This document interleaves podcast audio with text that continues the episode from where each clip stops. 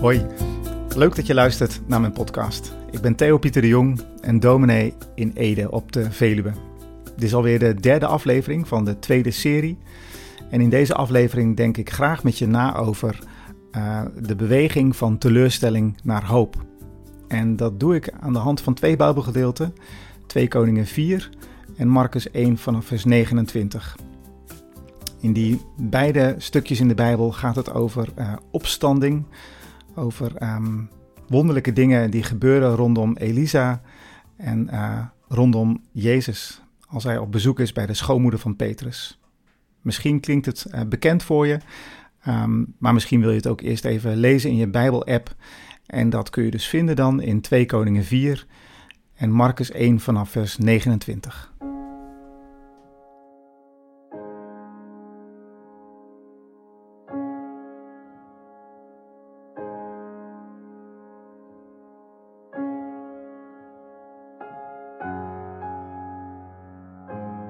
Twee Bijbelgedeelten deze keer dus.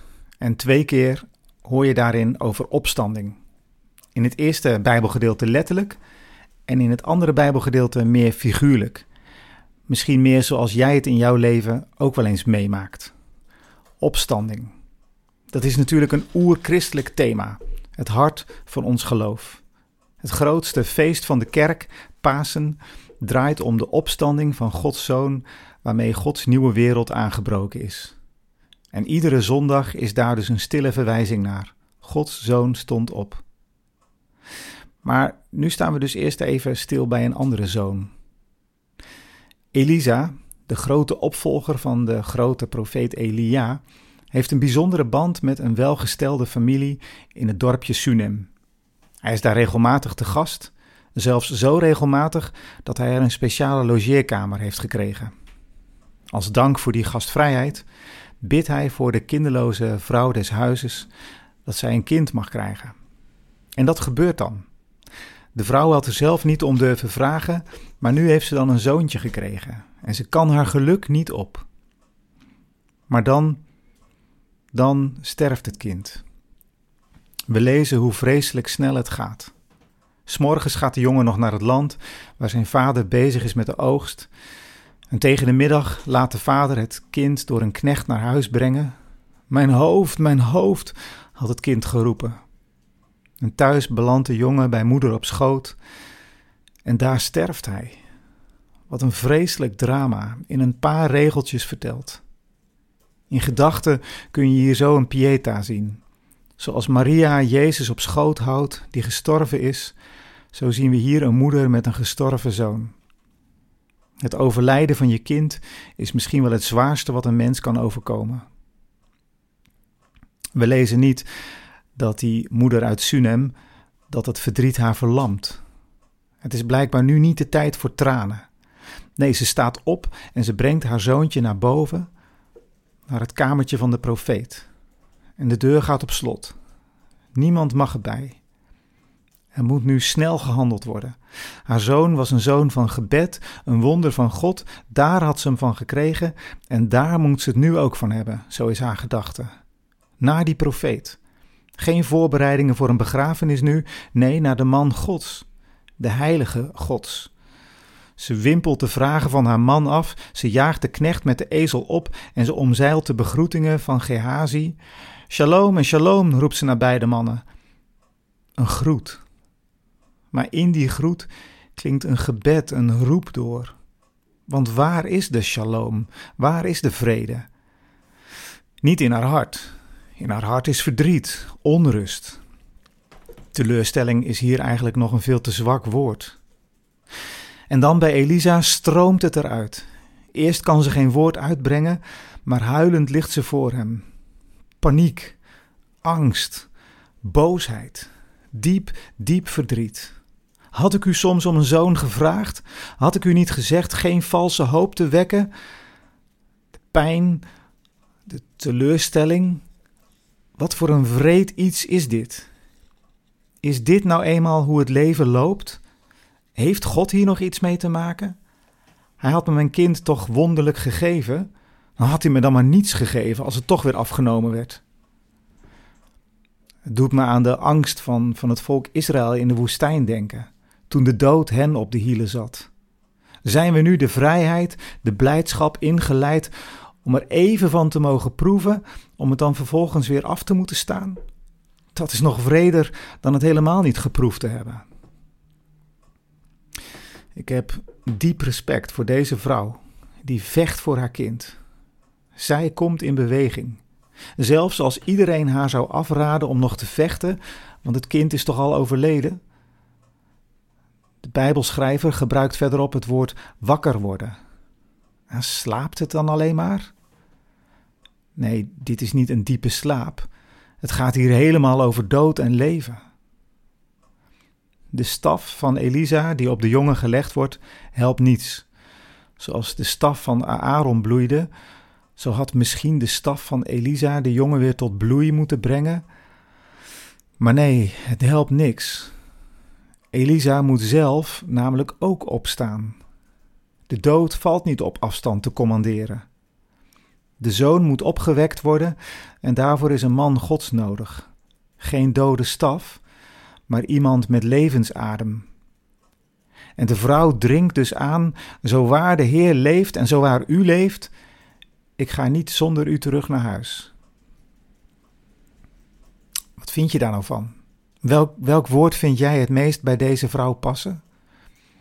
Teleurstelling? Hoop? Koppigheid? Wonderlijk wat er vervolgens gebeurt met die jongen. Elisa gaat net als zijn voorloper Elia te werk. En net als Paulus later trouwens in de Bijbel.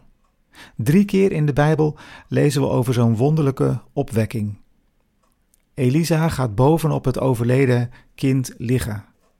Bijna als een soort medische handeling wordt deze methode beschreven. Ogen op de ogen, mond op de mond, handpalmen op de handpalmen. Met zijn lichaamswarmte en levensadem geeft Elisa zich aan dit kind van gebed. Dat, in dat ene zinnetje, is de kern van wat hier gebeurt. Toen bad Elisa tot de Heer, lezen we. En we zien Elisa heen en weer lopen en opnieuw strekt hij zich uit over het kind. Wat zal die moeder beneden daar vol spanning hebben gewacht? Maar dan hoort ze boven in het kamertje niezen, wel zeven keer. Schitterend. In het oude Egypte was niezen een teken van herstel. Als een mens niest, verlaten, verlaten de boze geesten het hoofd, zo geloofde men. Ook in ons land bestaan trouwens allerlei oude vormen van bijgeloof als het over niezen gaat. En vervolgens haalt Elisa's knecht, Gehazi, de vrouw naar boven en ze mag haar zoon weer levend meenemen. De rol van moeder en zoon is nog niet uitgespeeld. Later in het boek Twee Koningen komen zij weer terug als getuigen van Gods grootheid. Zij kunnen met hun eigen leven vertellen dat er een Heer is die sterker is dan de dood. En die Heer is niet Elisa, maar de God tot wie Elisa bidt. Wat een inspirerende vrouw, deze vrouw uit Sunem. En dan Marcus 1. Daar horen we ook over een vrouw. Over deze vrouw weten we een stuk minder dan over die vrouw uit Sunem. Deze vrouw hier bij Marcus 1 komt maar één keer in de Bijbel voor. We weten niet hoe ze heet, alleen dat ze de schoonmoeder van Petrus was. Het is wel bijzonder dat er tegenwoordig in Israël, in Capernaum, een opgraving van een huis uit de dagen van Jezus te zien is. En die opgraving staat bekend als het huis van de schoonmoeder van Petrus. De oude fundamenten van dat huis zijn daar dus nog steeds te bewonderen. Het is op een steenworp afstand van de oude synagoge. Toen ik daar was, fascineerde het me dat ik zo dicht bij een Bijbelgedeelte was. Over die plaatsen gaan dus deze oude woorden in het Marcus-evangelie. En we zien in gedachten Jezus staan spreken in die synagoge. En als de dienst dan is afgelopen, gaat hij met Simon en Andreas mee naar hun huis, vlak bij de synagoge. En net als in die lezing uit Koningen staat er dan zo'n bijzonder betekenisvol uh, zin zomaar tussenin. En zij spraken met Jezus over haar. Simon en Andreas vertellen Jezus over een zieke vrouw, de schoonmoeder die op bed ligt, koorts. En ik geloof dat dit van onschatbaar belang is. Dit is voorbeden in de zuiverste vorm. Zij spraken met Jezus over haar. Wij kunnen met zieken en anderen heel veel over Jezus praten, maar het is van veel groter belang om met Jezus over die zieken te praten. Prachtig en zo veel betekenend vind ik deze zin. En zij spraken met Jezus over haar. En zo gaat Jezus, net als die godsman Elisa, mee naar het huis. Jezus staat op en gaat mee. Hier zien we dus opstandingskracht. Jezus gaat naar de vrouw toe, pakt haar hand en trekt haar overeind. En dan verlaat de koorts. Let op de volgorde. Jezus trekt haar overeind, ze zit weer rechtop en dan verlaat de koorts haar. Zij gaat dus niet zitten omdat de koorts weg is. Nee, als ze zit, verlaat de koorts haar. Het sterkste woord in deze zin is dus het woord oprichten en niet verlaten van de koorts. Met andere woorden, als je opgericht wordt, zal het veranderen. Als je weer overeind bent, zal het anders worden.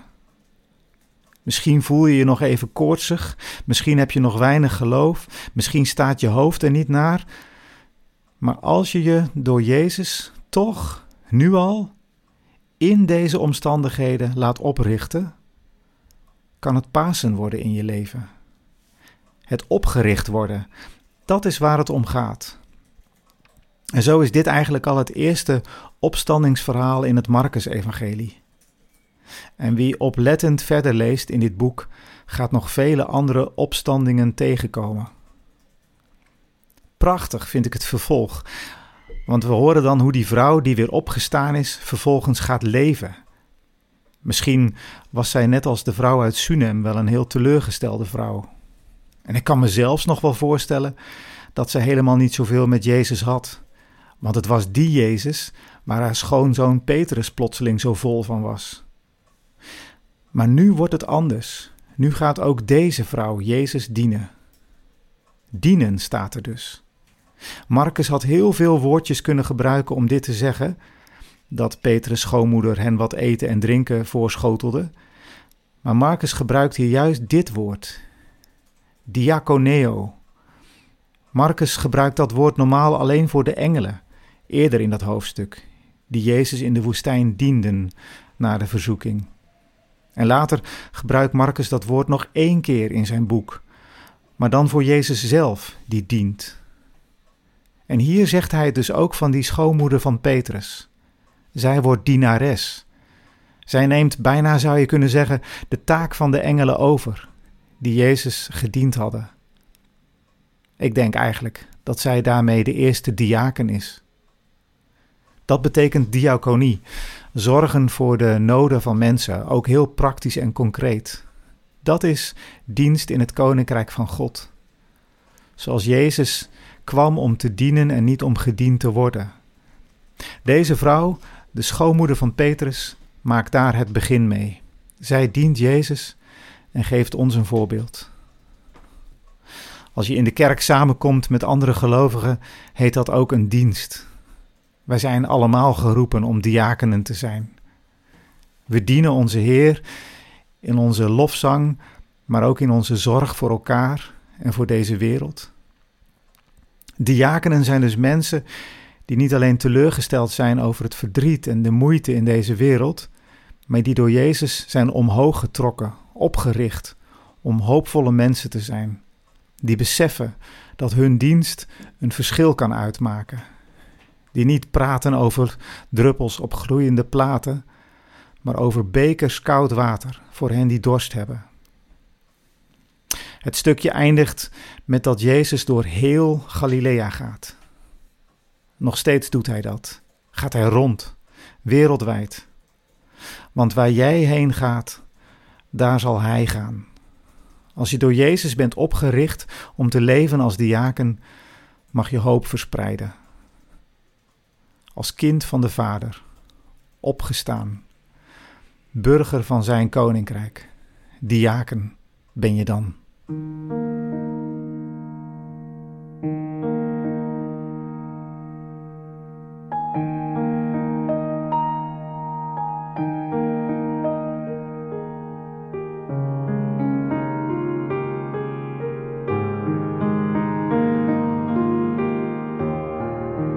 Hoorden net een uh, preek van uh, dominee Theo Pieter de Jong over het thema van teleurstelling naar hoop.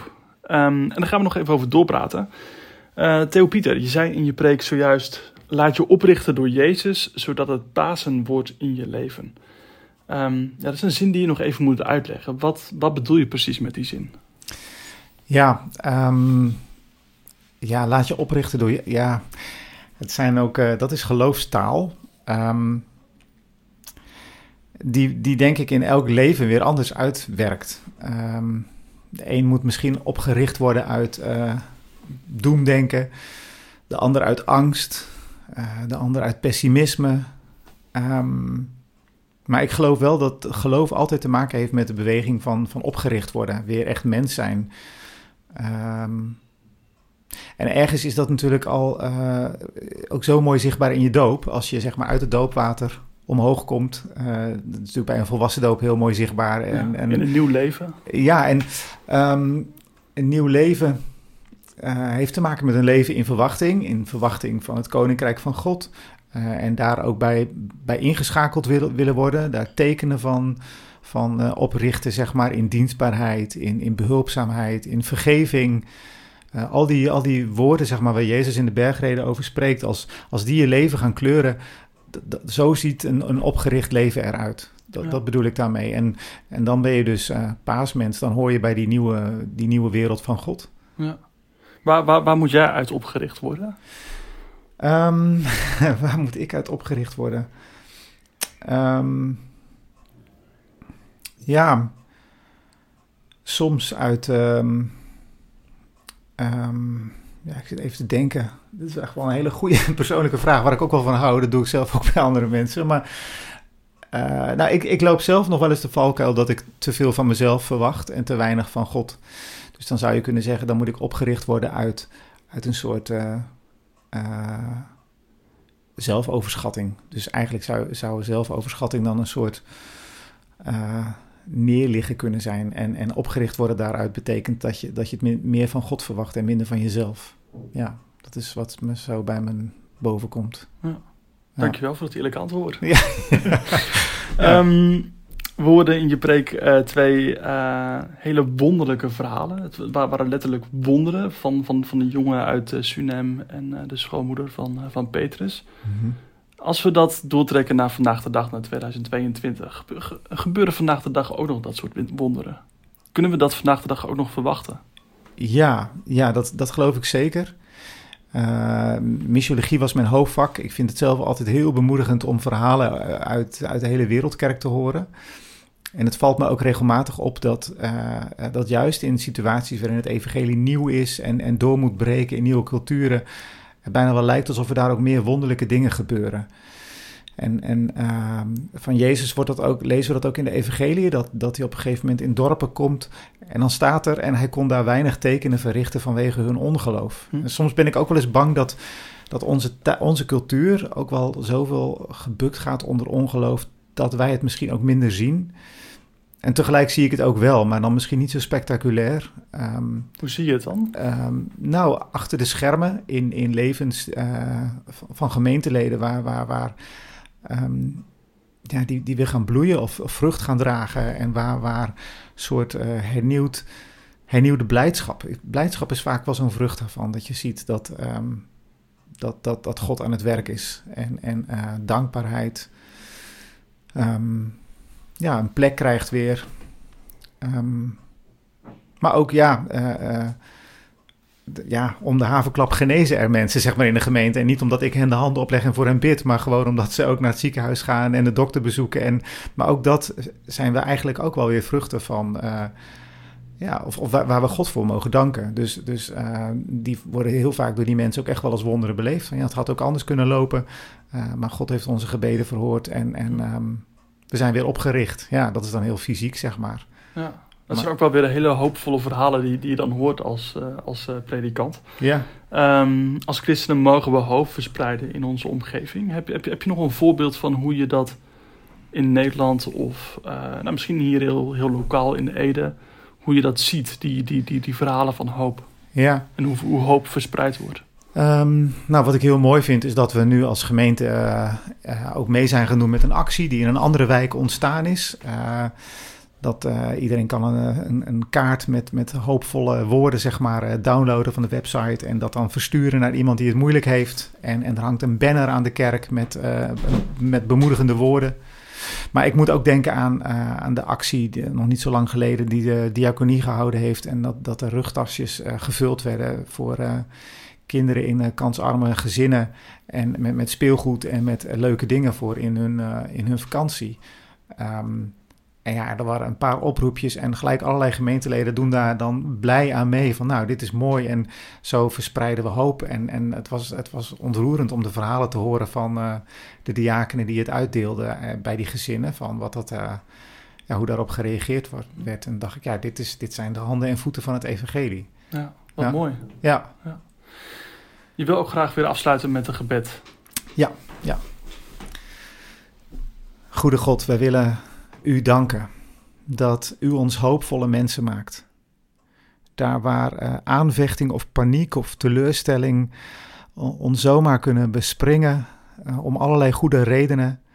Daar waar de dood continu het leven belaagt, uh, daar richt u ons steeds weer op. Daar mogen we opkrabbelen uit al die dingen die um, moeilijk en, en, pijnlijk zijn, omdat u ons weer hoopvolle mensen maakt. Uh, niet uh, naïeve mensen, maar mensen die aangeraakt zijn door, door uw paaskracht, door uw Zoon Jezus Christus, onze Heer.